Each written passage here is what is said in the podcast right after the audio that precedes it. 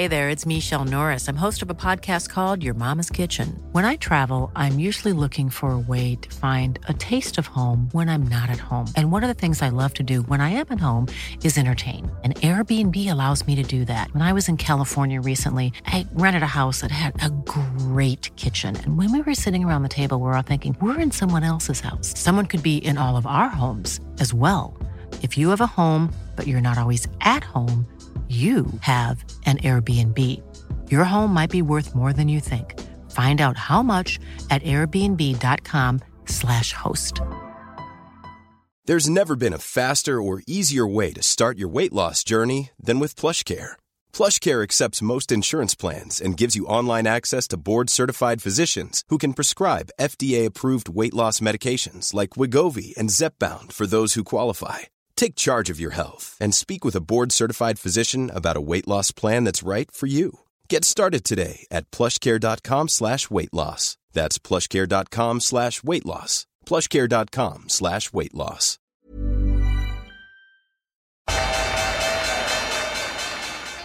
They mistook leverage for genius. Leverage for genius. I would recommend Japan. The governments don't rule the world. Goldman Sachs rules the world. Velkommen til en ny episode av podkasten 'Tid er penger'. En podkast med Peter Warren. Her er en jubileumspodkast. Hvis du ikke følger oss på Facebook-gruppa, så vet du kanskje ikke det her.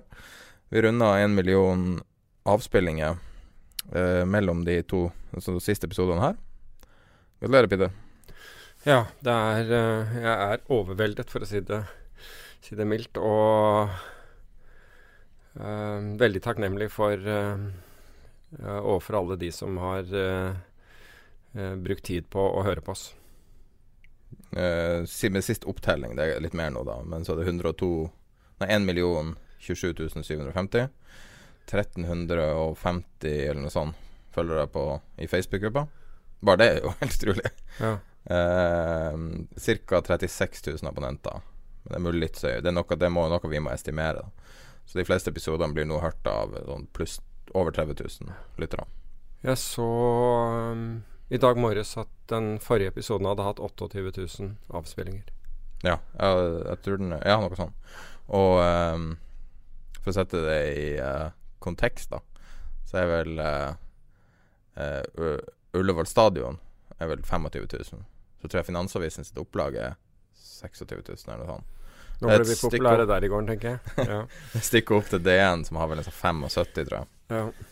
Eh, så du får bare fortsette å pumpe ut. Første episoden, som er den mest lytta på, er hørt 91 000 ganger. Mm.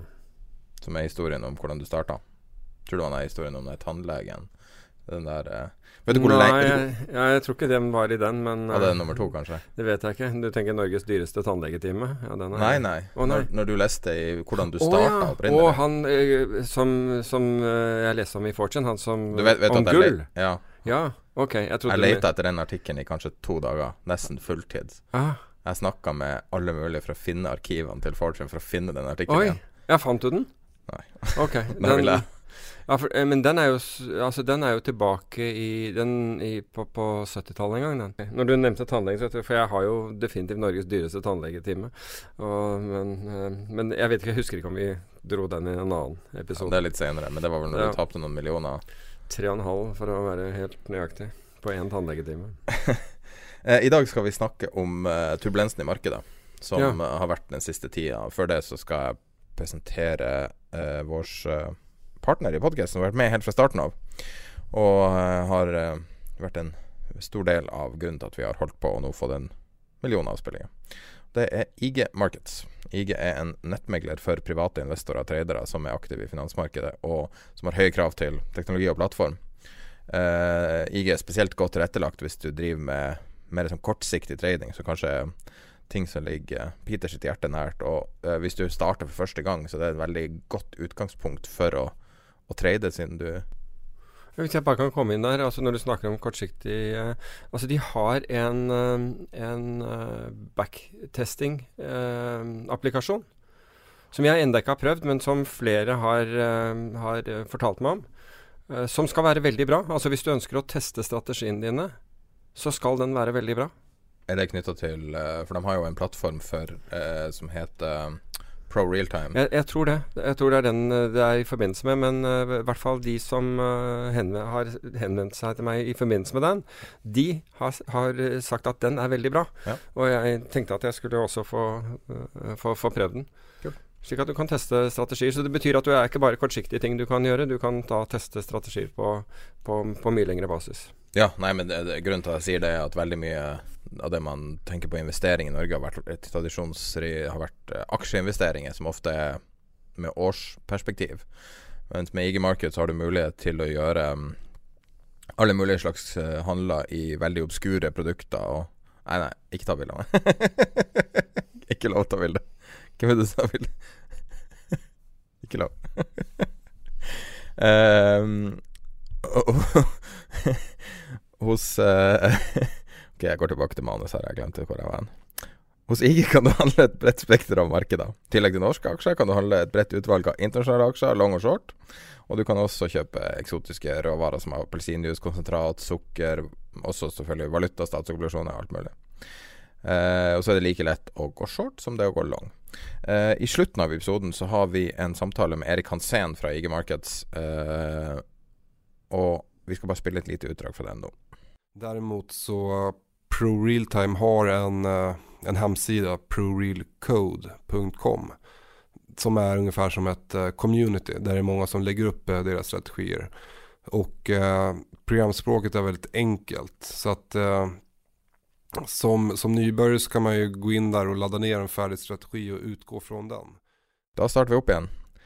Før vi starter med dagens marked, så vil jeg sitere noe som vi hørte forrige gang vi var og møtte IG i Oslo som både jeg og du syntes var en artig kommentar. Og det var en, han som holdt foredraget, som sa hver gang du tier opp i markedet, så møter du Tiger Woods. Ja. Ja, den var bra. Den var fin. Den var bra. Altså Når du tier off i markedet, så møter du Tiger Woods. Og det er jo helt Altså det er jo riktig hvis du, hvis du handler eh, spesielt internasjonale eh, internasjonale aksjer, internasjonale indekser, eh, renter, råvarer, valuta.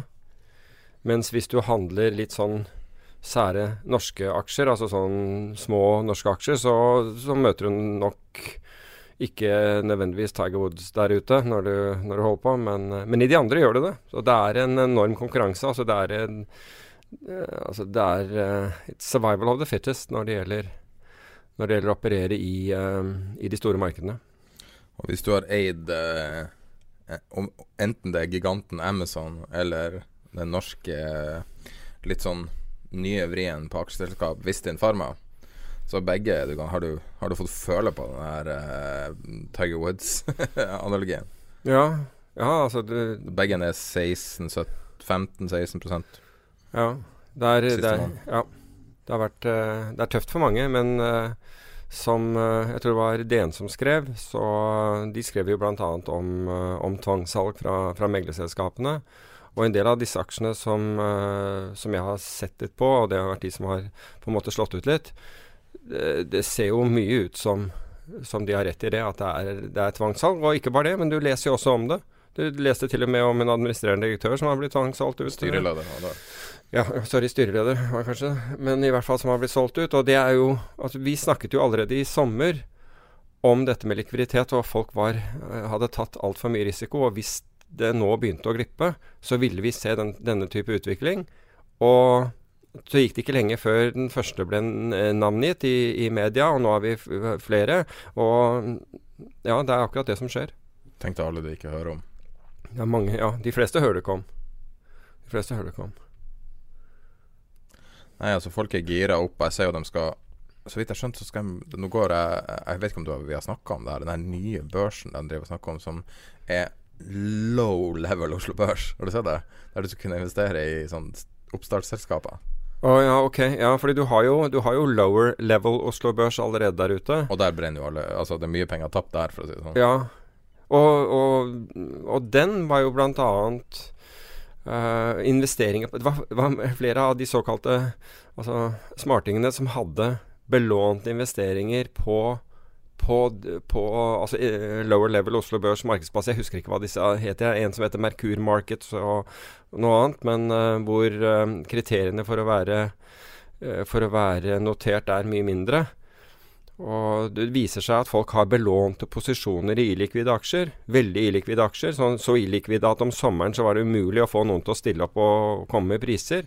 Og det er klart at da blir jo långiver desto mer eh, engstelig når han ser en spredd på 40% eller sånt mellom kjøper- og selgerkurs. Kan du tenke deg hva Family and Friends Hvordan det blir priset? Ja. Det er det den nye til Oslo Børs heter. Der eh, oppstartsselskaper skal eh, Altså basically 99% kommer til å feile, eller, eller, noe i den duren.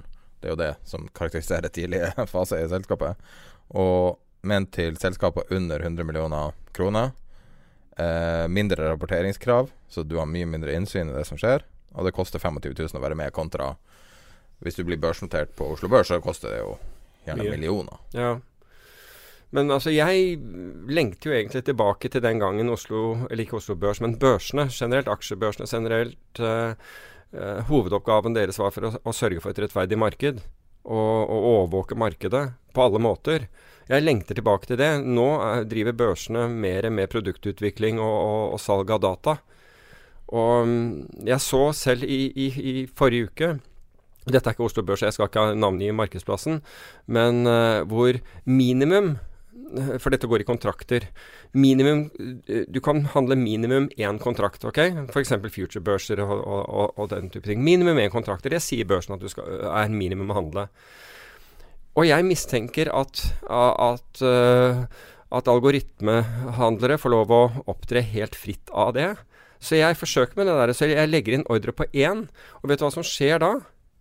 Den ordren på én, den blir, den blir hittet ti ganger med 0,1 som ikke skal være mulig å handle på. Det skal ikke være mulig å legge inn, fordi minimuminkrementet er én kontrakt. Og allikevel så, så, så, går det frem og tilbake, fordi man bruker de ordrene til å manipulere markedet med. Så jeg lengter tilbake til da børser gjorde den, den opprinnelige oppgaven, altså før de ble kommersielle da de hadde som oppgave, for det var en viktig oppgave, å sørge for at markedet var uh, At uh, handelen i, på markedsplassen foregikk ordentlig. Det var hovedoppgaven til børsen.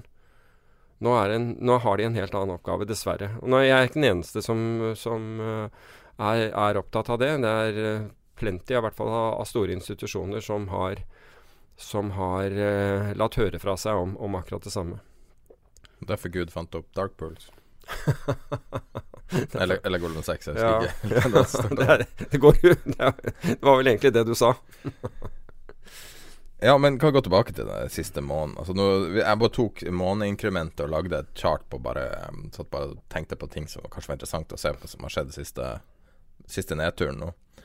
Uh, og du har noen store nå. Det verste er jo, er jo Amazon. Uh, altså uh, det andre trillion dollar-selskapet som bare kollapsa fra toppen. Altså Når det er så store summer, så kan man jo bruke så store ord også. Ja. Og så har du uh, Google også ned nesten 10% på perioden. Og så har du altså SMP 500 ned sted mellom 7 og 8 uh, Og så har du Oslo Børs bitte litt, faktisk litt mindre ned enn amerikanske børser.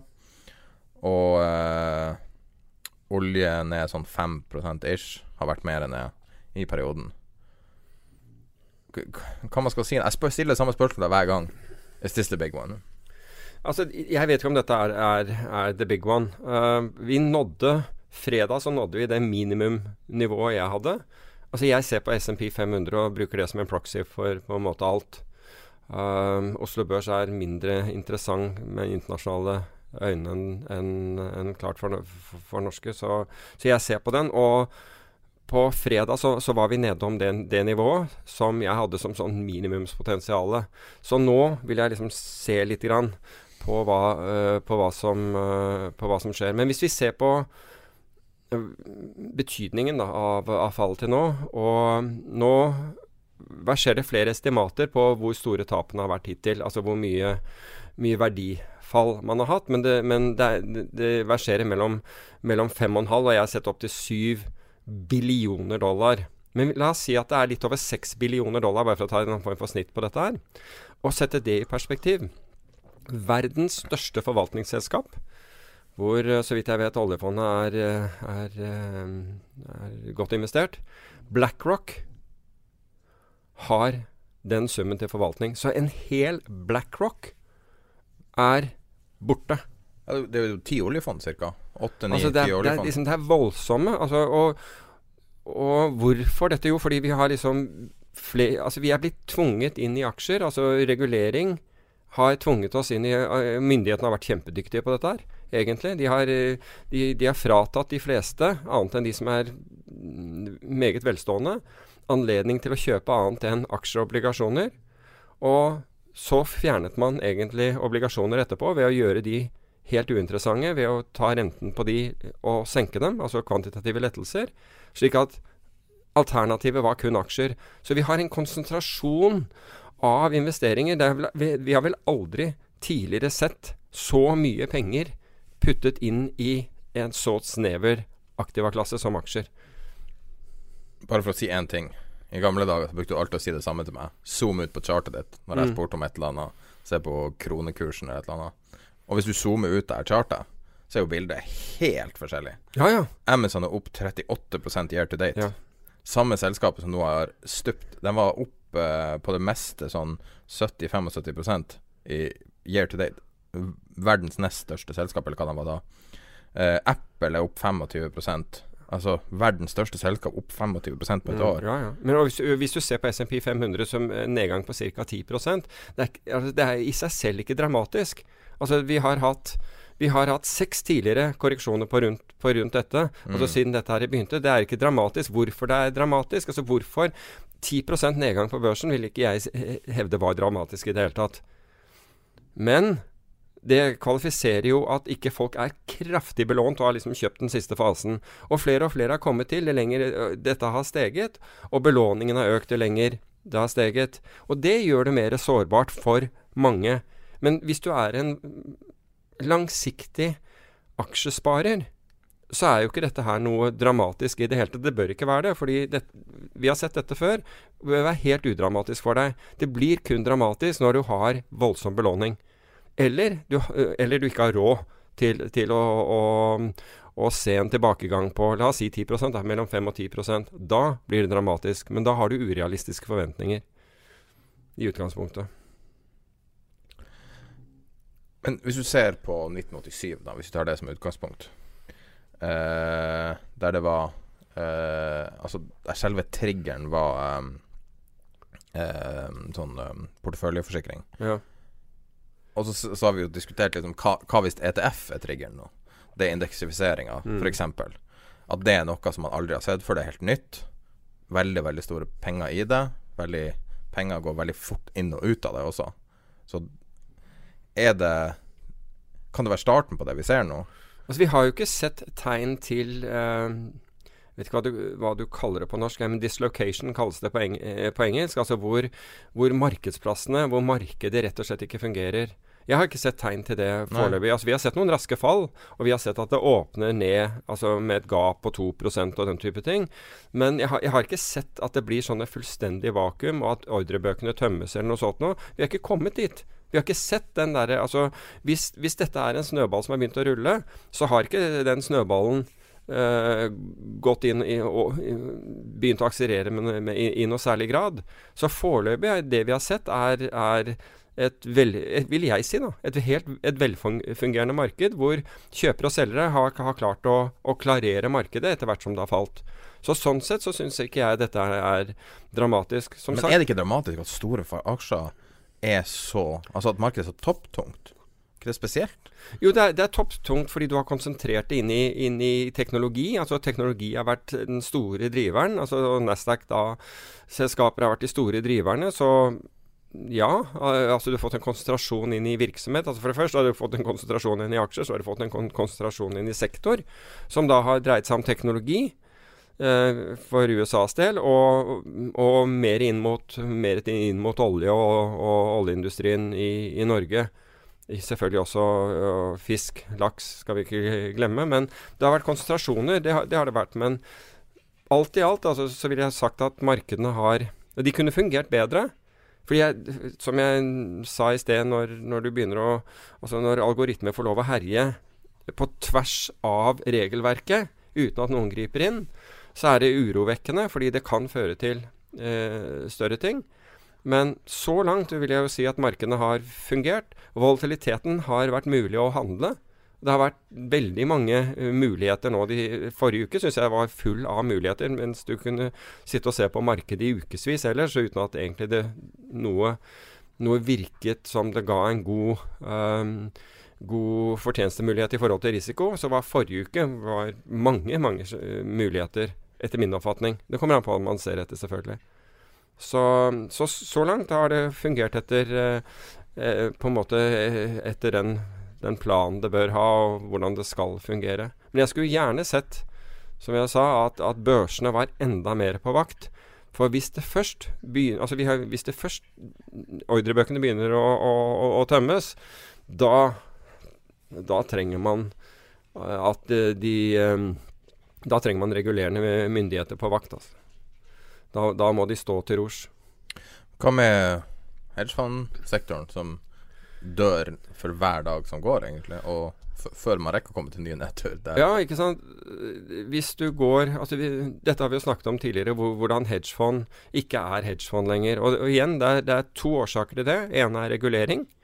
Man, ikke, altså man skulle overregulere disse fondene, slik at man har ikke hatt anledning til å gjøre mange av de tingene som, som, som har gjort på en måte hedgefond kjent som gode diversifiseringsobjekter um, tidligere.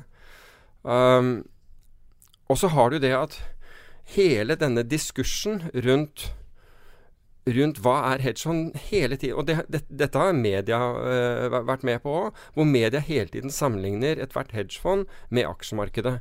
Du sammenligner, sammenligner, ikke obligasjonsmarkedet med aksjemarkedet, men på, på en eller annen grunn så skal du på død og liv sammenligne hedgefond med aksjemarkedet. Hvis hedgefond skal være skal lykkes i å gi deg diversifisering, så må du opptre annerledes enn aksjemarkedet. Og når vi, når vi øh, kritiserer hedgefond som ikke holder følge med aksjemarkedet, så forteller du hedgefondforvaltere at vet du hva, det er jo bare å Jeg bryr meg ikke om det. Jeg jeg, jeg, kjøper aksjer, og så bryr jeg, meg, bryr jeg meg ikke om om, det, om, fondet mitt samvarierer med aksjer. Med en gang du gjør det, så blir korrelasjonen, altså korrelasjonen stiger, så blir diversifiseringen, effekten, borte. Og det er jo akkurat det du har Og vi har sagt at når det kommer en nedgang nå, så kommer du til å se det. Og jeg skal love deg at hvis markedet forblir Nå går det litt bedre i dag. Men hvis markedet forblir lavt ut måneden, altså med andre ord de neste to dagene også, så kommer du virkelig til å se hvem som, lå, som, som ligger igjen nakne på stranden uh, når, når, resultatene for oktober kommer inn. For jeg tror det er noen forferdelige resultater der ute. Fordi nettopp de, at de hedgefondene der ute som, som mange har sagt at yes, se hvor bra det går, nettopp har bare vært uh, aksjefond med belåning. Et så uh, velkjent, og særlig for nordmenn, for det er mange nordmenn som har uh, som har eh, investeringer i det. Egerton, britiske Egerton, er ned 7,5, var ned 7,5 denne måneden. Mm. Um, og det er betydelig, altså. Vi kan, uh, Basert på det sitatet du har, så kan vi jo Det var jo et litt modifisert versjon av den gamle Warren Buffetten. At uh, når tidevannet går ut, så ser du hvem som har svømt naken. Men her kan vi jo ta det at når tidevannet går ut, så ser man hvem som bare var flytende lik. Faen meg, det høres forferdelig ut. Men, men, jo, men jeg tror, det var min take men jeg tror, det er, jeg tror det er virkelig nyttig for, eh, for, eh, for spare og investorer å se nå hvilke det er som har som, som har um, oppført seg, eller som har opptrådt etter de forutsetningene de skulle ha. Mm. Og det er så mange som sier vi er ikke korrelerte, og vi har en høy risikojustert avkastning, og vi beskytter nedsiden din. La oss nå se etter denne måneden her. Altså hvis kursene forblir på rundt disse nivåene her, så kommer du fort til å se hvilke som har, har vært sannferdige. Og, det, og sånn sett så kan oktober bli en veldig nyttig måned. Men det vil jo være noe lignende i aksjefond og i diverse andre Aksjefond følger aksjemarkedene. Det, du kan ikke forvente at de skal gjøre noe annet. Jo, men altså Ja, jo til en viss grad, ja. Men altså hvis du ser på Men de har ikke anledning. altså De fleste aksjefondene de er enten 80 eller 90% investert i aksjer til enhver tid. Hva skal de gjøre? Altså det, de Legge ned fondet. Hva sier du? Legge ned fondet. Ja, det kunne du gjøre, men, men, men, det skjer jo ikke. Men, men eh, hvis du ser på Vil ikke det ha vært en ansvarlig ting, hvis du ser, ser en tidevannsbølge komme? Jo. Jo, hvis du så det. Men altså, da har du jo også et, et utrolig klarsyn. Vi har hatt forvaltere som har gjort det. Vi har også forvaltere. Altså Nordeas eh, eh, Hva heter det? Corporate bond. Altså eh, Hva heter det? Det heter Selskapsobligasjoner? Ja, altså, ja, forvalter av eh, Nordeas uh, fond for, for uh, kredittobligasjoner. Han sa tidligere i år at, det, at dette er så bra som det blir. Han sa, altså han gikk ut, og det syns jeg er ære være ham for det. Han går ut, altså det er et, sant? De tjener penger som gress de på å, å holde investoren inne, men han gikk faktisk ut og sa at det her er så bra som det blir. Og det skal, altså Jeg tar med hatten jeg for, for en forvalter som gjør det. Han ble sikkert ikke veldig populær internt, det vet jeg ikke, men, men han, han gjorde jo nettopp det. Han sier liksom 'Dette er så bra, bra som det blir'. Og da, altså da, Hvis ikke det er et, eh, et sånt signal, så vet, jeg, så vet ikke jeg. Men faktum er at du, du kan ikke forvente at aksjefond gjør det vesentlig eh, annerledes enn enn aksjemarkedet. Eh, det jeg legger merke til, det er jo at uh, noen, noen sier at ja, nå, nå, eh, nå skal vi oppallokere Altså nå går vi inn oppallokere til aksjer. Altså det de snakker om der, er jo 1 eller 2 Det er jo ikke noe som flytter nålen. Altså Det høres jo bra ut når du leser Å, nå driver den og den bankens uh, wealth management-avdeling eller uh, annet og Å, se de, de begynner å kjøpe det, Altså det, det er jo ikke noe som det står som det snøger av. Det er ikke sånn at de hadde gått ned til 10 aksjer før dette og begynte å, å kjøpe. De hadde sannsynligvis uh, 60 a- aksjer, og så har eh, andelen nå falt lite grann, og så, så øker de kanskje til eh, fra 58 til 9 Altså det er jo ingenting. Det er Poenget mitt er, er at eh, når, når, disse, når man snakker om disse allokeringene, så snakk med noen som virkelig gjør noen ordentlige allokeringsgrep. altså sånn flytter 20 eller et eller annet sånt, da. Men 1 og 2% det flytter ikke nålen, altså. Det gjør ikke det. Du har jo snakka tidligere, til meg i hvert fall, ikke på podcasten, om uh, hvem som gjør det bra nå. Og det er jo ei gruppe eh, kunde, type kundegruppe som plutselig nå Ja, altså, tjene penger. ja, altså, ja, men du kan si at eh, Derivathandlere. Ja, altså, eller helt riktig. Altså, det, det du ser, er jo at uh, investeringsbanker som Goldman Sachs, Morgan Stanley, JP Morgan, Bank of America og City, eh, Citigroup har hatt kjempebra resultater. Altså, og Det står litt i kontrast til det der hvor du leser at uh, det var et par norske, ja, DNB bl.a. og ABG sier at og, Fordi alle satser på dette primærmarkedet, altså de vil emisjonsmarkedet. For i Norge så tjener meglerne på å legge ut uh, nye, nye aksjer eller emisjoner eller et eller annet sånt. Mens her disse, disse bankene har hele tiden, altså, som jeg nevnte, Goldman og, og den gjengen der, har hele tiden hatt derivatavdelinger klare til, til å ta imot når det ble behov for kurssikring. Og det, ble, det fikk mange et brått behov for. slik at de har nå altså Jeg så resultatene med, sammenlignet med, med tilsvarende perioder i fjor, er opp over 20% Så disse har virkelig gjort jobben.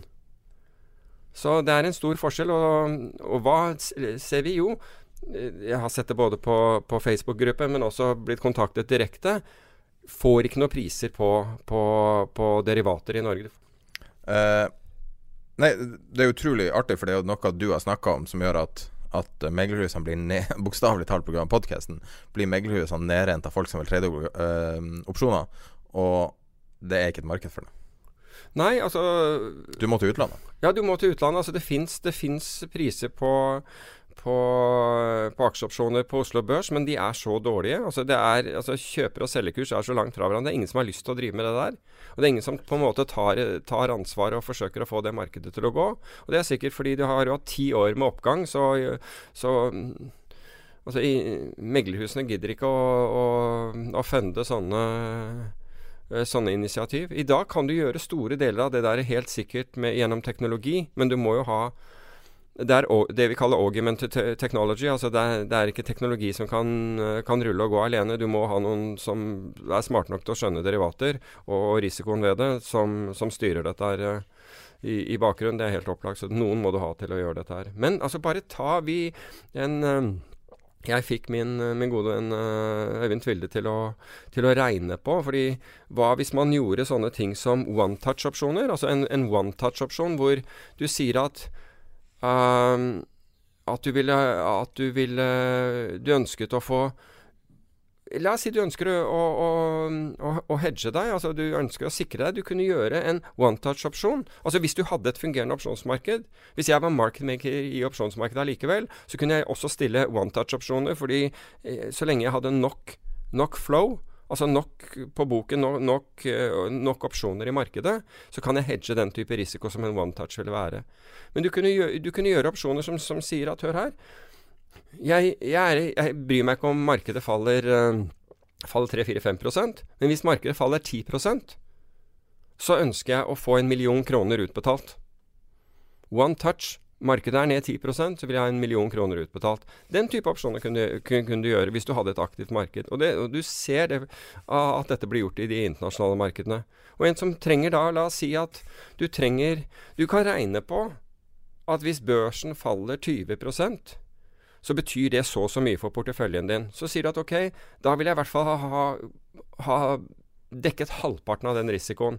Ok, da kan du ta en opsjon. La oss si at, la oss si at du at hvis børsen faller 20% så, så taper du ta et tall da, 10 millioner kroner. Så sier du at ok, det er veldig mye for meg, men hvis den faller 20% så kunne jeg i hvert fall ha, godt tenke meg å ha, å ha en opsjon som hadde tatt inn halvparten av det. Med andre ord 5 millioner. Hvor mye vil da en opsjon så kan det ikke sant, koste som hvis børsen treffer 20% ned, gi meg 5 millioner kroner i, i, gevinst på opsjonen. Ferdig utregnet. One touch. Treffer den det nivået, 5 millioner. Det vil, det vil si, bare så det er klart, altså en one touch betyr at hvis markedet fortsetter å falle, så får du ikke noe mer ut av det. Du får, de fem, du får den 5 millionen. Du får 5 millioner utbetalt hvis markedet faller 20 Et rent veddemål. Hva sier du? Et rent veddemål. Ja, altså den er binær. Mm. Ikke sant? Så jeg liker ikke å bruke veddemål, men veddemål er binære. For, men altså, det, det, det, er jo ingen forskjell, ingen prinsipiell forskjell mellom å gjøre et bet på en fotballkamp og gjøre det. Altså Enten får du betalt eller ikke. Ja, men bortsett fra her, her har du et ja, At du, du, har et øh, en, en, finansiell bakgrunn for hvorfor du vil gjøre handelen. Altså Du vil ha redusert tapet ditt. Du kunne jo si at det, da vil jeg at hele tapet skal være borte. Du kunne gjøre det også. Da betaler du dobbelt i premie, ikke sant. Så vil du kunne gjøre det. Men det er mulig å gjøre Altså Hvis du har et fungerende opsjonsmarked, så kan man gjøre Kunne man lage sånne pakker. Mm. Det var en periode vi laget pakker for noen av våre største investorer, de som var aksjonærer hos oss. Da laget vi noen sånne pakker for å hedge dem. Mm. Fordi de, de, ønsket, de ønsket å, å, begrense risikoen sin. Og veldig mange lyttere har lyst til å gjøre det som mer trader. Ja, men, og det er, det er derfor rart at istedenfor Og nå fikk jeg høre det der, og jeg har fått noen telefoner om det. OTC-opsjoner, altså opsjoner som ikke på, på, selskaper som ikke er børsnotert. Mm. Unnskyld, ikke selskaper som ikke er børsnotert, men børsnoterte selskaper som ikke har opsjoner på Oslo Børs. Der driver, megler, driver noen meglere og selger opsjoner.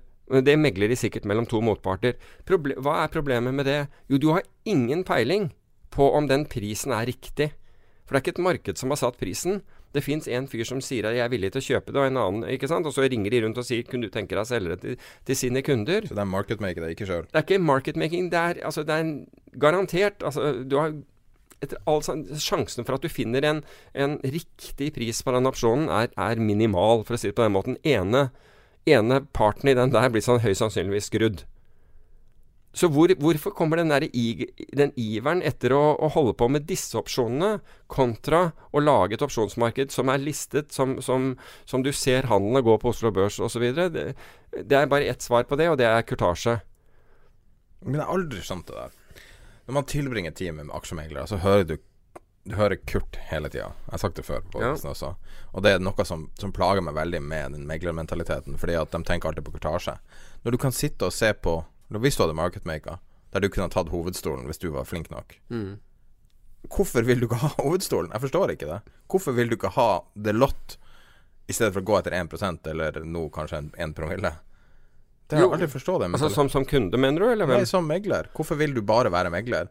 Hvorfor vil man ikke ha en mer sånn komplett For det fins jo veldig, veldig lite som, som Ja, tilbyr sånn komplett bankvirksomhet i Ja, Norge. ja, jeg er helt enig. Goldman-modellen, liksom. Ja.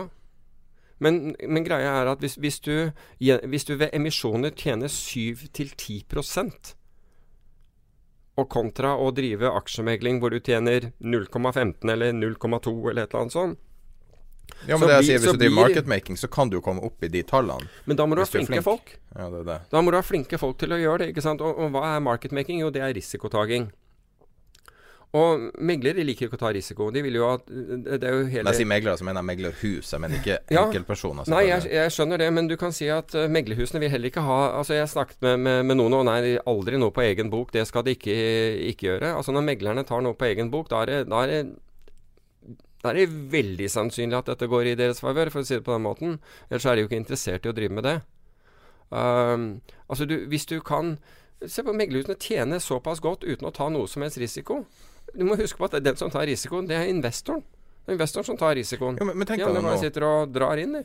ettersom vi har hørt noe med podkasten, at bare at du snakker om det her, noe som ingen har lest i aviser, ingen har hørt snakk om opsjoner siden jeg vet ikke når det Mm. 90-tallet kanskje var sist gang folk snakka om opsjonsmarkedet. Ja, mulig. Og så har du snakka litt om det, og så blir de nede igjen. Så sitter vi der med tusenvis av potensielle kunder som har lyst til å trade opsjoner, så det er ingen som tilbyr det engang. Ja. Det er veldig merkelig. Ja, det er jo det. Altså, børsen gjorde, jo- hadde jo initiativ da, da man startet Da opsjonshandelen ble flyttet over fra oss over til, over til børsen, som skjedde i 1990. Da hadde jo børsen et initiativ med, å, å, med opplæring både på meglere og for investorer osv., og, så videre, og, og kjørte ganske mye på det. Uh, men etter nå er det vel kun priser stilles over Nasdaq-systemet på, på disse opsjonene, så jeg vet ikke eh, Jeg vet ikke hva det er det, det er lenger. Altså det Jeg tror det er utrolig lavt volum. Sånn hvis du går inn og ser Ja, men det er ikke noe rart det er lavt volum hvis du har kjøpekurs på 2 og selgekurs på 15. Mm. Du får, det det er jo ikke sånn du akkurat hiver deg i stolen og 'Dette må jo bli bra'. De stakkarene som handler på det, De er på en måte dømt til å mislykkes. Men apropos det. Hvis du ser bare på historiske markeder, når det har vært fint å, å være involvert med den formen for risiko, så er det ett chart som peker mot at vi kan komme Vi kan komme i den retninga, altså i et sånt marked, ganske fort. Hvis du ser på Klarer du å gjette hvordan chartet viser hvis du ikke leser hva som står? Bare på å se på chartet? Ja, hva, var det jeg skal Nei, det, det vet Det her er fra 92 til nå.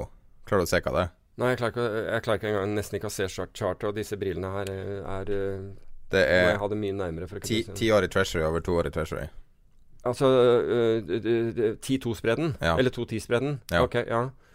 Og så ser du her Som er ned på 0, 26, 0, 27, 28 eller noe sånt. Og så ser du tidligere ganger den har snudd. Ja. Ser du på datoen. mhm. 2007-sommeren. 2000. Så hadde du en liten en i eh, Asia-ish, krise-ish. mm. Det er påfallende. Ja da. Og den er nede nå på samme nivå. I, Ja, den, ish. ja, altså den laveste den har vært, er, er vel ned på 0,18, tror jeg. Altså, det vil si at Jeg skal kanskje forklare dette her før det blir for nerdesnakk. Men, men, men altså 10-2-spredden, altså det er amerikanske tiårige statsobligasjoner. Renten på den, altså yielden på den, minus uh, yielden på toårige statsobligasjoner, amerikanske statsobligasjoner. Og den, den kom helt ned i 0,18 Det er vel omtrent en måned eller to siden. Eller noe sånt, og Den var nedi der. Nå ligger den litt over Nå ligger den 0,26-0,28 eller noe sånt. Det vil si altså, altså cirka en Altså amerikanske tiåringen Du får en kvart prosent, litt over en kvart prosent mer for å plassere på ti år, altså pro anno, eh, enn du får for å plassere på to år. Så det, den, det, vi kaller, det vi sier er at rentekurven er ekstremt flat på, Mm. dette, på, på, på dette nivået. Um, Men du forklarte meg hvorfor det her var så interessant. det er interessant. Ja, fordi banker låner vanligvis De låner kort. altså det, Når vi sier at de låner kort, så betyr det at de låner inn kortsiktige penger. Noen ganger da, altså overnight-penger. Banker funder seg i, i, et, i et interbankmarked som overnatt. Så de låner inn hver dag. Og så må de fornye det lånet dagen etter. Og dagen etter der igjen, og dagen etter der igjen, osv. Um, selvfølgelig har de, låner de noe lengre penger enn det, men de låner ut mye lenger. Og hvis de da får lånt inn til en, til en lav rente og lånt ut til en høyere rente, så, så, så håper de da å tjene den differansen. Så la oss si at den differansen var 2% bare for å si det. Så sitter banken og, og tjener 2% pro anno.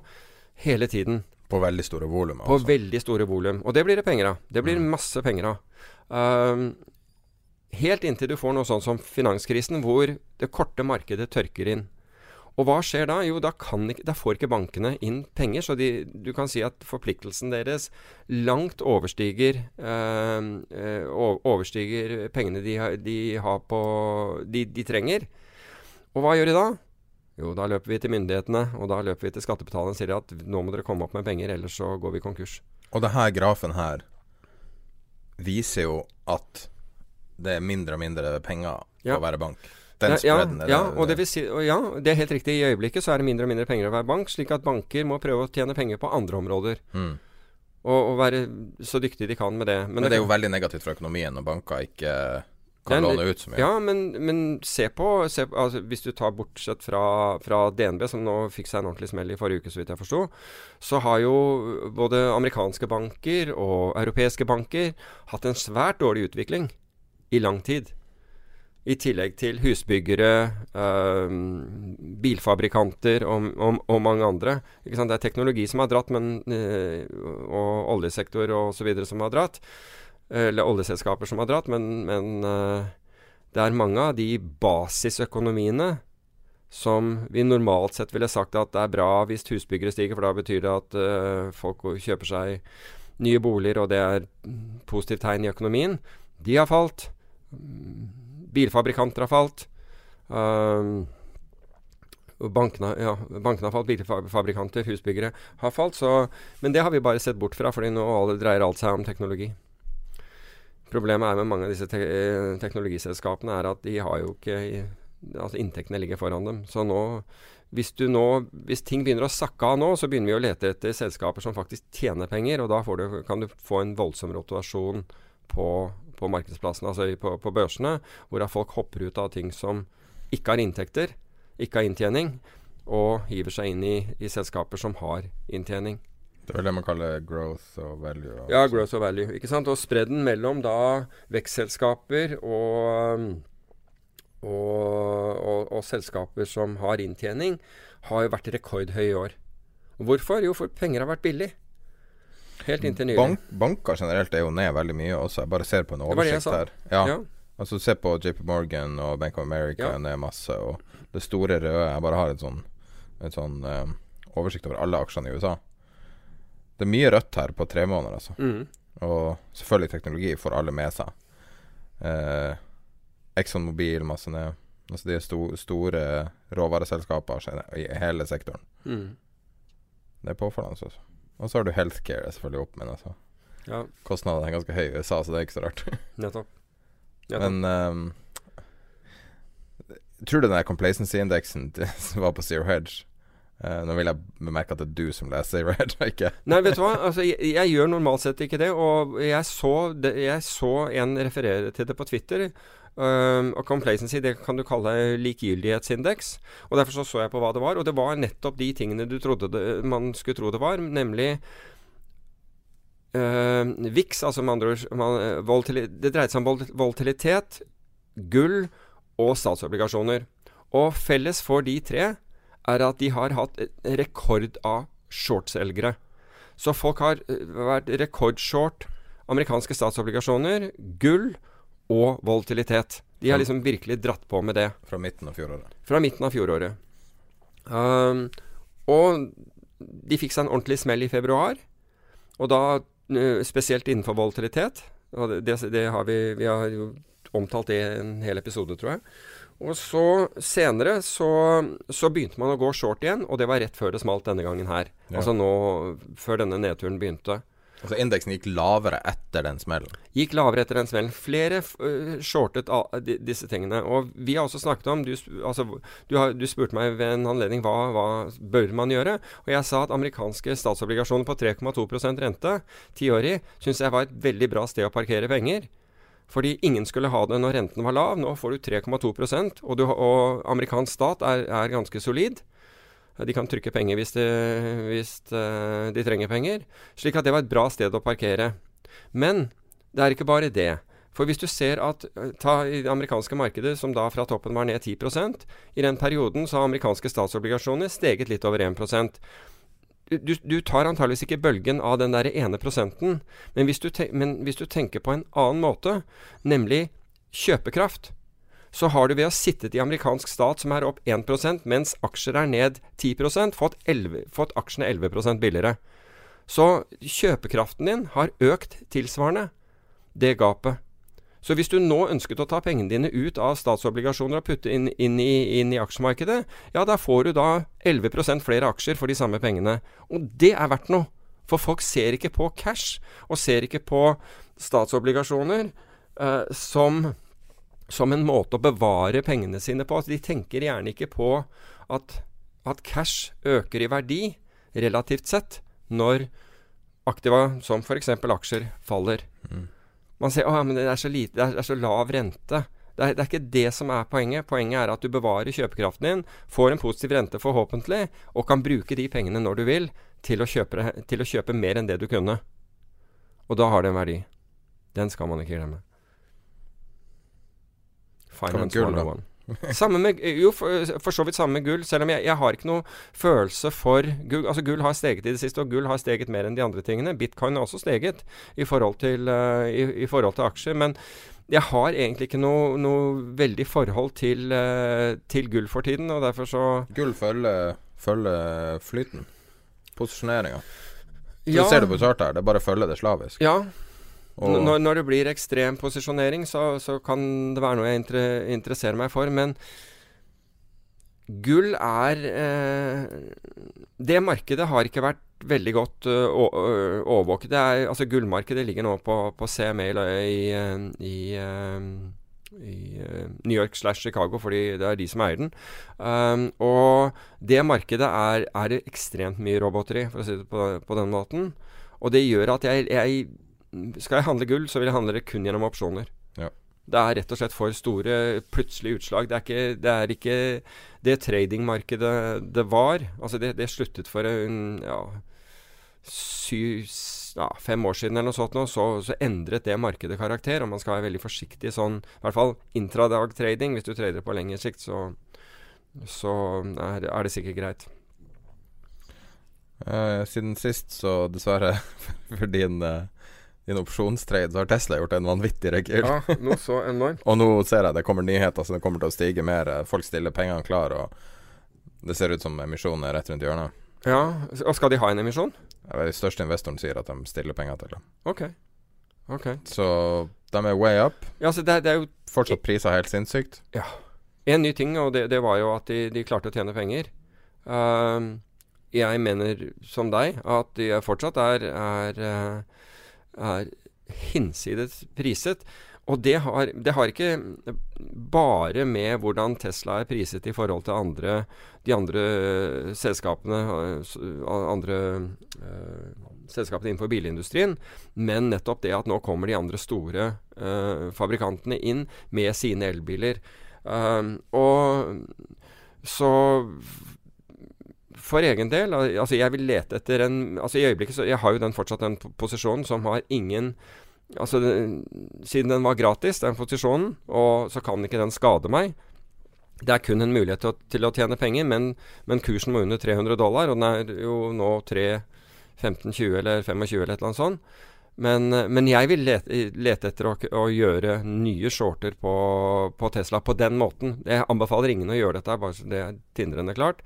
Men jeg skjønner ikke. Den, den for meg er en obvious uh, short-kandidat. Men ikke en, ikke en, uh, en, åpen, uh, short, altså.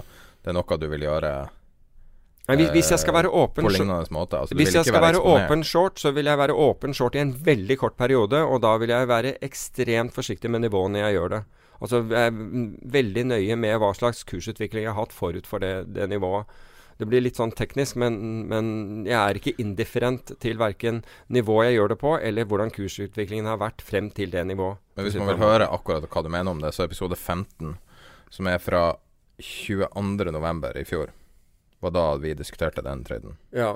Og da var det jo ganske kort tid etterpå du satte den på. Ja, altså jeg, jeg satte den jo i, i, to omganger. Altså den, den hvis jeg, ikke, hvis jeg, ikke, husker helt feil nå, og da må du arrestere meg på, på det, men i, i, så fall så besto den første gang av en, at, av en en salgsopsjon. Altså disse salgsopsjonene forfaller i begynnelsen av 2019, i januar 2019.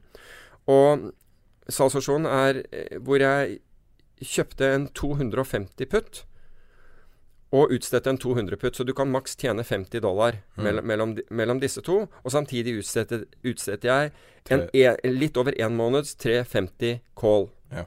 Og så eh, Tesla steg eh, etter det, og da gjentok jeg den, den samme med å kjøpe en 300 putt.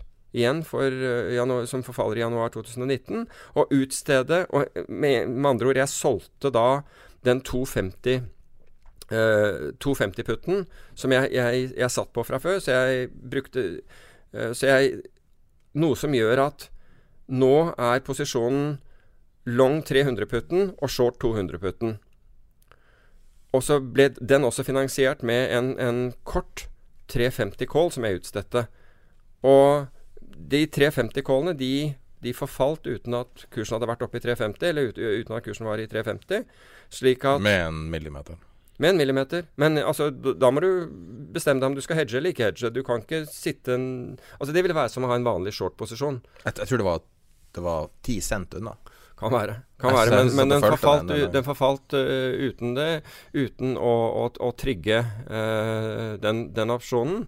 Slik at hele strukturen ble gjort gratis. Og etter én måned, litt over en måned, så var det ingen risiko til oppsiden. For da hadde de 350 kjøpsopsjonene som jeg utstedte, de hadde forfalt. Mm. Så nå sitter man bare da med en, en 300 putt som jeg eier, og en 200 putt som jeg har utstedt. Så du kan maks tjene 100 dollar, altså mellom 300 og 200. uh, mens oppsiden altså, Eller eh, hvis den går imot, så, så, så taper man ikke noe annet enn den premieverdien som den 300 uh, har. Men uh, som sagt, den ble, gjort, den ble gjort med null kost. Så, så det var En av grunnene til at dette er en attraktiv måte å gjøre det på, er vel det at når, når Tesla er prisa i Altså selskapet er prisa til 55 milliarder, eller 60, hva det var da, Mm. så, så er det jo litt begren Det er naturlig begrensa oppsida. Altså, de skal selge biler. Hvor mye kan det selskapet være verdt, liksom? Ja, men Du altså, må jo lage de bilene, liksom. det- det- altså, Her hives det jo inn alt mulig rart. Her hives jo inn alt fra flammekastere til surfboard, og det er liksom ikke måte på. Altså, Ja, det er jo markedsføringa, ja, da, det er er en altså persepsjon. Og, og folk kjøper Altså, jeg forstår det ikke, jeg, jeg gjør ikke det, men, men det Men jeg mener som en trader, at- at jeg har ikke, rett. ikke som selskapsmessig, men bare som en trader. Når du ser Mm. på fundamentals, så er det ikke sånn at Altså, du kan tape uendelig med å utstede en call, men på grunn av at, at den var såpass billig. Det var jo det som var utgangspunktet til det her.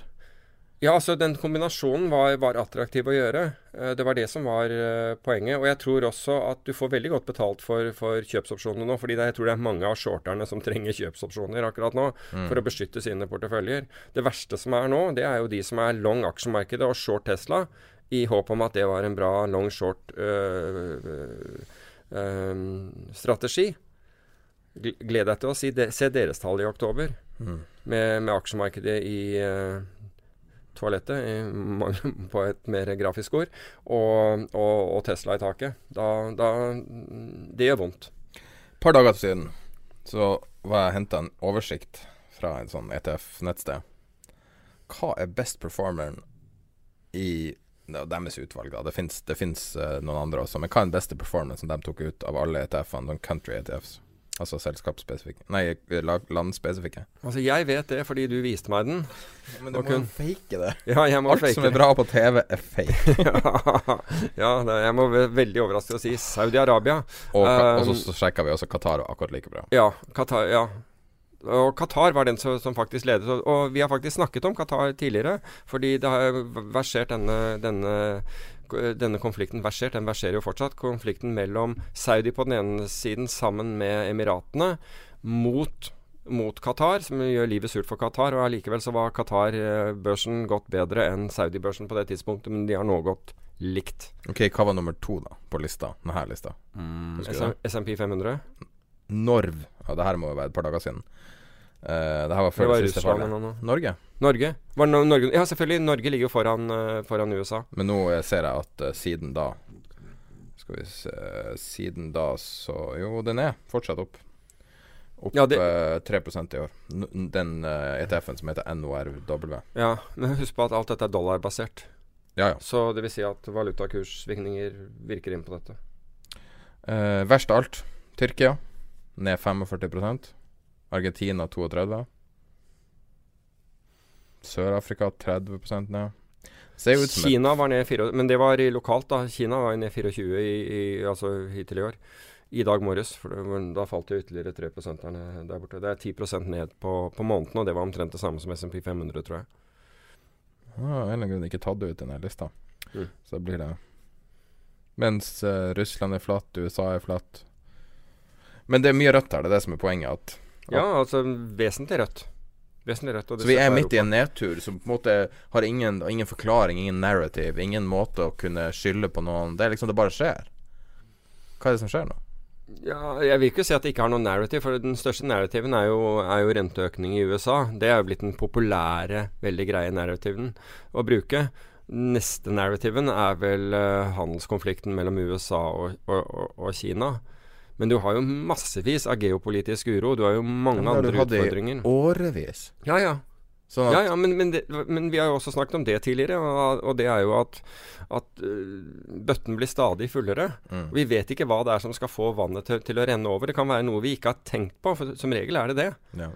Plutselig kommer en en eller annen ut med et eller annet svært fond som har, som har gjort en eller annen brøler, og, Og det er jo nesten vi, garantert at det kommer til å skje. og så har vi det gående. Altså Spørsmålet i dag er jo bare om fondet er stort nok til, til å virkelig sende det ned. Uh, du hadde jo allerede med En rogue tra trader i oljefondet.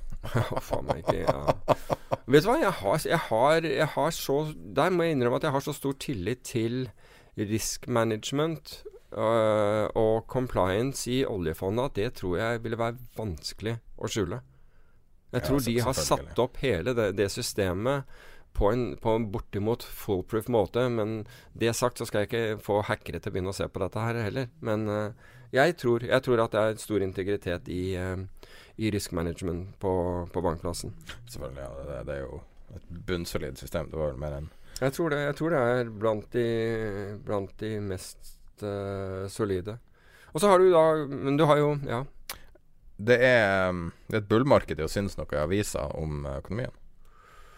Ja mer bull market. Altså det som Meningen den andre veien. Ja. Ja. Det, det er mye Jeg- som blir sagt, altså. ja jeg, eh, jeg Jeg så et sitat. Jeg er så ekstremt enig i det. Og det er at når, når analytikere bommer, så heter det å revidere sine, sine analyser. Mens når en trader bommer, så kalles det et tap. For det er akkurat det det er. Hvorfor jeg blir tradere latterliggjort? Ja, altså, blir analytikere Ja, ja, det er akkurat sånn. Ja, altså, jeg, jeg skjønner ikke. Fordi traderne er på en måte de, de, eh, de primære risikotakerne, mens analytikeren tar ingen risiko. Altså, ingen har blitt mer latterliggjort enn uh, Einar Aas i, i moderne tid i finans. Og han risikerte bokstavelig talt hjemmet sitt. Ja. Og så sitter analytikere i alle banker som får betalt for medieomtale, som er der utelukkende for å være i media, og som kan synse i øst og vest Ja, det- med noen få ja, års erfaring. Og der var det, der var det en, eh, der var det en analytiker, råvareanalytiker, som sa at, at den traden da var en Altså når Aas ble tvunget ut, det var en no-brainer å ta den. Men dessverre så drev ikke dette, denne banken den drev ikke selv i kraftmarkedet, men de hadde masse kunder som, de, som var interessert i å gjøre denne traden, så de, så de skulle Har du hørt noe mer om det siden For den, den traden blåste ut ytterligere etterpå. Så no-braineren var ikke noen no-brainer, altså det kan jeg fortelle deg. For den, det gjorde veldig mye vondere om, om man hadde sittet i den. Det var for øvrig samme som skyndte seg og når, vi, når oljen kom til 85 dollar fatet, å si 100, nå skulle den til 120 dollar fatet. Nå skulle vi rett til 120 dollar fatet, og når vi da isteden falt ned til 75 dollar, så, så sa han ja, det en det, det vil nok være mer svekkelse først. Altså hvis du er, som trader hadde kjøpt på 85 fordi du trodde det skulle ut til 120, så er du stoppet ut på 75. Det hjelper ikke, om, det hjelper ikke å si at det skal litt lenger ned først. Det er, det er så enkelt. Det er så enkelt. Og jeg så en annen bank som da reviderte sin forecast på Norwegian fra kjøp med med, med target på 350 til salg med target på 150. Jo, men eh, altså, jeg er, all, jeg er virkelig for at uh, altså, When facts change, so does my opinion. Som Brian uh, Marber sa, og det, det har vel andre, andre sagt også, men George Soros. Ja, jeg er ikke sikker på om det var han, men det er, det er vel uh, Det tilskrives vel å, men Jeg kommer ikke på det i, i farten. Men det er i hvert fall tradermentaliteten. Ja. Ikke sant? So that's my opinion. Så all ære for det, men det er klart at når, når du hardnakka liksom er Du er den største hater det uttrykket, bullen i, i Norwegian og, med, og sier dette, dette skal bare én vei, og så plutselig en morgen så kommer den der Nei, nå, det, nå har vi 150 som mål, og, og du skal selge. OK. Um, tusen takk for den. Men altså for, for oss andre, altså for, for, for, vi som sitter og trader, ville, ville en Altså, kunne sånt vært katastrofalt, men for en analytiker så er det bare 'just another day on the job'. Det, det er altså Det er null respekt for risikotakere. Ja, men, men, du kan si at samtidig så media Media, altså media kaller da en, en forvalter som taper, nettopp for en taper. Men en, en analytiker som grovbommer på, på, på sånt noe Men nå tar jeg tilfeldig forside og da. Ringer de likevel opp for å høre hva, hva mener om neste, neste, bevegelse. Men se, her er sånn Nå tok jeg tilfeldig forside fra en norsk eh, finansiell avis, uten å si hva det er. Her er sånn en person blir hengt ut når du taper dine egne penger. Ja. En person med vanvittig god historikk. Ja. Og det her kunne ha vært 40 forskjellige forsider det siste halve året. Mm. Og så har du og så sitter jeg bare og blar og leter etter en av de der utallige teoriene til en eller annen økonom. Eh, som, ja, det fins mange av dem, da. Som bare sier noe. Og så får de fullstendig spalteplass. Ingen går tilbake og sjekker noen gang. Aldri sett et aksjetips bli sjekka. Tenk deg hvis du gir et aksjetips til en person som, som, agerer på det. En person med mye innflytelse, mye penger, mye alt. Og så, så funker det ikke. Mm. Tror du ikke det får konsekvenser for, for deg? Jo. Selvfølgelig får det enorme konsekvenser. Ja, ja. Hvis du er megler eller en eller annen rolle til en person, og du ringer en eller annen milliardær og så sier nå skal du kjøpe det, og så faller det 20% Det får helt vanvittige konsekvenser for deg. Men jeg, jeg, jeg, la merke til at uh, Ottar Ertseid i DNB sa bl.a. at man uh, Mifid 2 gjorde at uh, fordi man måtte skille da Eller man må, ikke bare de, men alle. Må skille mellom uh, kurtasje og, og, analyse. Altså meglingsvirksomhet og analyse når de skal ta seg betalt. Og de hadde ikke da fått betalt for slik jeg forsto det, for, for analysene på samme måte. Men når, når, du ser sånne revideringer Altså, alt er Det blir revidert så, man, og, og, og, skivebom, så skjønner, jeg, altså, så skjønner jeg veldig godt at man ikke blir betalt for det. Og det var ikke DNB som har kommet med den, bare så det, det er sagt. Fordi um, banken jeg refererte til, var ikke DNB, bare, bare, for å være helt klar, siden jeg nevnte Ertseid akkurat nå. Ikke det hele tatt. Det var ikke norsk engang.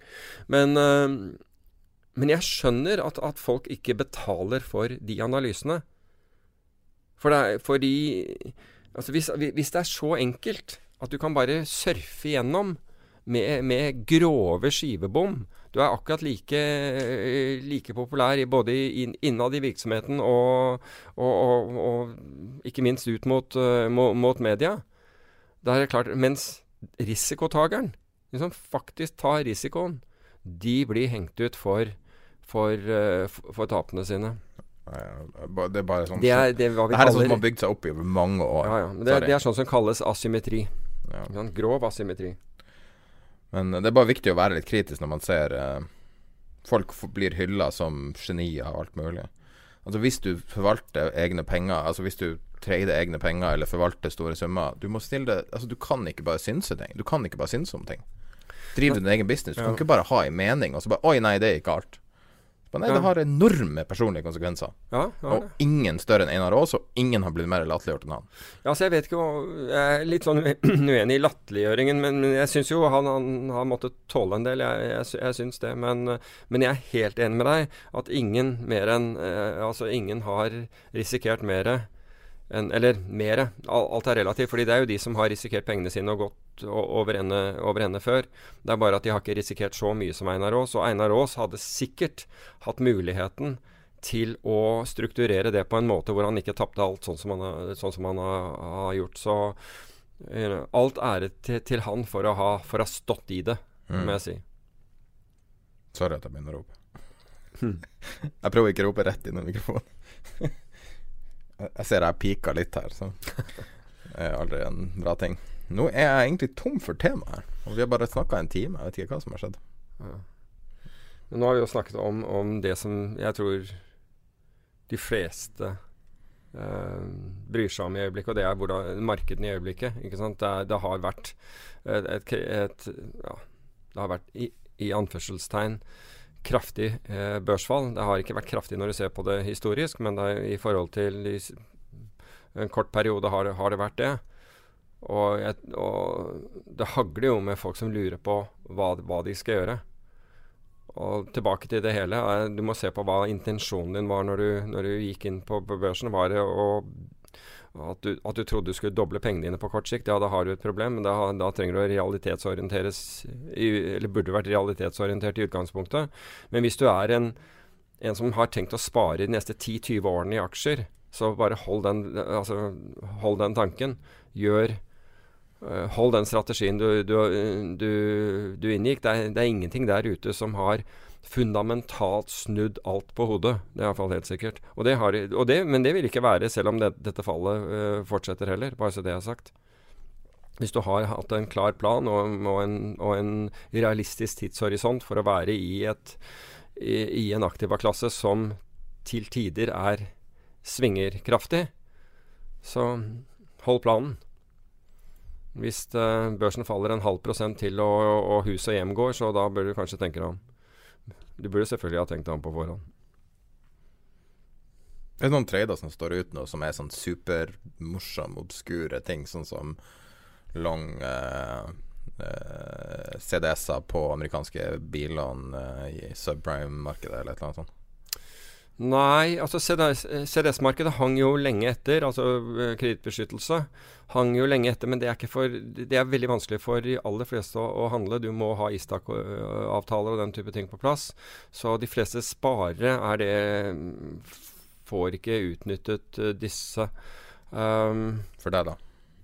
Hva sier du? Noe du interesserer, Jeg mente noe du så på. Ja, altså jeg, har, altså jeg har jo fortsatt Nå mistet jo ikke Italia sin, uh, sin rating, uh, hvilket jeg må innrømme syns er merkelig. Men, uh, men jeg liker fortsatt spredden med short italiensk stat, uh, teoristat og long, long tyske. Men det er en sånn mak... Og den har virket veldig bra til, til nå. Den, den virker, den. den har, det har vært en veldig bra ma makrotrade. Um, og billig, uh, billig um, forsikring mot, mot uvær. Men akkurat Nei, altså jeg syns jo det at volatiliteten har økt um, Nei Det er Er altså, du bullpenger. Cash? Jeg er alltid bull cash, fordi det gir, cash gir frihet og muligheter.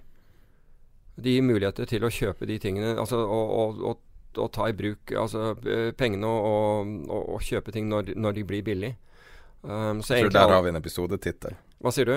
Du er alltid bull cash. Det er en bra tittel. Altså. Ja. Nei, men det er alltid det, fordi altså, det gir fleksibilitet. Og, og, nå, nå ser du kostnaden ved å ikke ha den. Det er alle de som blir tvangssolgt ut av, og har blitt tvangssolgt og ut av markedet. Da, der ser du kostnaden ved å ikke ha den. Fins noe mer heartbreaking uh, enn fall from grace? På en måte, altså Det er jo selvfølgelig uendelig mye mer tragiske skjebner i verden enn noen som har hatt 100 millioner på bok, og så går de i null og må selge hus og hytte og alt. Men det er noe med det der å ha hatt liksom alt tatt det så lett. Alt var så enkelt og greit. Og. Det var en film fra en meksikansk film der det var liksom en supermodell i, i filmen, og så mista hun foten i ei ulykke i filmen. Og det var bare den der kontrasten fra livet hennes, og så var liksom, hun var kjent for beina sine. Og, og det er bare Mm. noe så vanvittig tragisk med den overgangen, på en Ja. måte. Du hva jeg mener? Ja, jeg skjønner hva du mener. Og spesielt når Da du kan har du bare snakke om realitetsorientering. Bort, liksom. Ja. Det er veldig rart det der at, at uh, man bare vil ha mer og mer og mer. og mer, og mer. For bokstavelig talt, hva, hva mer kan du ha enn Ibsen. 100 millioner? Jeg beskrev jo det med evig eies kunde tapte. Um, og det, jeg husker at da jeg gikk på, på skolen og jeg først hørte det, så, så hørtes jo det der ut som uh, noe som hadde kommet gjennom enigmakoden. Det, det sa meg ingenting, men senere i livet så skjønte jeg egentlig hva, faktisk hva, hva, hva Ibsen mente med det. Um, og det er et utrolig godt uttrykk. Men uh, Ja, jeg vet ikke. Jeg mener, i, dag altså det, I dag må jeg så oppleve det å, å, å være short nå. Uh, bli stoppet ut av det akkurat akkurat på altså, for, for, å, for, for, å så se det begynne å falle igjen. Men da reshortet jeg det på et dårligere nivå, nivå faktisk enn en, en, jeg var short på, enn jeg var short på første gangen. Og det viser seg å, være, å være riktig. Og av og til så er det jo bare ikke sant, altså tingenes iboende. Altså sånt skjer. Du må bare prøve å liksom så, bare rister av deg og går videre. Nå, nå, endte jo den bra, da. Men, uh, men det hadde vært enda verre hvis du hadde shortet den andre gangen, og så ble trykket ut av den en gang til. Det hadde vært fælt. Men det er sånn jeg trader. Når jeg har gjort det. Det er derfor jeg ikke gjør det. Jeg vurderer å gjøre comeback nå. Jeg føler jeg har lært så mye det siste ett og et halvt året. Det er vanskelig å trade, altså. Ja, altså, ja, hadde det vært lett, så hadde hvem som helst kunne gjøre det. Og, og, det har vært perioder hvor du kan ikke gjøre noe riktig. Altså, det, I hvert fall så har jeg opplevd det. Jeg tror alle som har tradet eh, lenge, har opplevd det. Men det vi har nå, det er, altså, det er at nå fins det veldig mye verktøy. Vi snakket jo om ett verktøy tidligere. Øh, dette var det Pro Realtime. Ja. eh, analyseverktøyet. Uh, men, men, det fins mange til, sånne eh, verktøy der ute hvor du kan få testet ideene dine, og hvor, hvor de stiller krav til også til ideene dine. Og hvis ideene dine er gode, så kan du faktisk selge dem og tjene penger på dem. Uh, Uh, for da, da, vil de begynne å gjøre bruk av dem. Altså disse, disse alfaene du finner på, vil, kan du Altså hvis du har noe genuint Men det jeg ofte ser, det er at folk kommer og vil at man skal uh, funde dem og finansiere tradere som skal handle i illikvide, små norske aksjer. Uh, og og kommer med en eller annen fantastisk track record på det, som, som ikke kan testes, fordi det var ikke noen regler ba basert på dette. Um, og den, den, tiden tror jeg bortimot er forbi. Altså Det fins fortsatt noen som hopper på sånt, men, men, i dag kan du gjøre så mange tester for, for om du har en god idé eller ikke. Uh, om dette faktisk fungerer, om det, eller om det var bare et øyeblikk i tid som gjorde at det, det fungerte. Så det er mye som er bra der ute. Og akkurat i, de, i disse markedene her så føler jeg virkelig at man får, får testet mange ting. Man, altså, når I den perioden, disse ti årene med kvantitative lettelser hvor volatiliteten falt og falt og falt, så, kunne, kunne man, så ville man være genierklært hvis man bare giret opp og, og, og, og, satt og kjøpte hver eneste korreksjon. Um, og nå så man en litt større korreksjon. Da ble disse klemt vekk, og pengene ble tapt. Da, men det var veldig vanskelig å få et datasett, altså testet på, på et litt annet grunnlag. Men nå får du, nå får du på en måte markeder som, som uh, utvikler seg på en måte hvor vi, hvor vi, kan få informasjon. Hvor du kan få testet ting i, i live. Og jeg har mange som, som, sender meg forskjellige forslag til hvordan Og spør om hva hvis du gjør det, og hva hvis du gjør det, og kan du se på det? Nå får de, nå får de et, et testgrunnlag, som er, og det er veldig nyttig.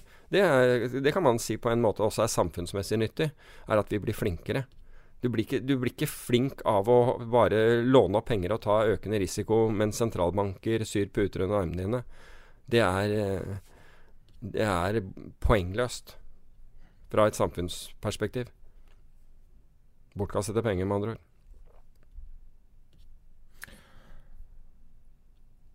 Nå tror jeg vi avslutter denne episoden. Før vi går helt i svart. Monolog. Ja. Jeg begynner å bli full. Eh, da, da, eh, da, tror jeg vi eh, tar og, og, snakker Eller hører samtalen med Erik Hansen fra IG Market. Når det gjelder å bygge opp en algoritme, veldig mange vil, jo ikke ane hvordan de skal starte. Eh, tilbyr dere eh, på en måte eh, Tilbyr dere halvferdige eller ferdige algoritmer man kan bygge videre på? Vi som mäklare erbjuder inte några färdiga eh, strategier, det gör vi inte.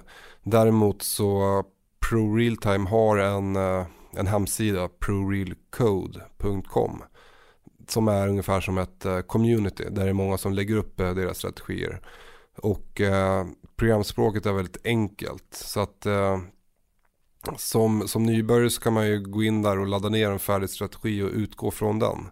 Eh, sen ska man aldrig ta en annan strategi och börja trada på den live utan du måste ju eh, analysera och ta fram din egna strategi.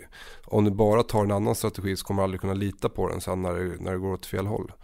Men det, det finns möjlighet att hitta färdiga strategier på, på, på nätet, prorealcode.com, uh, för, för att komma igång.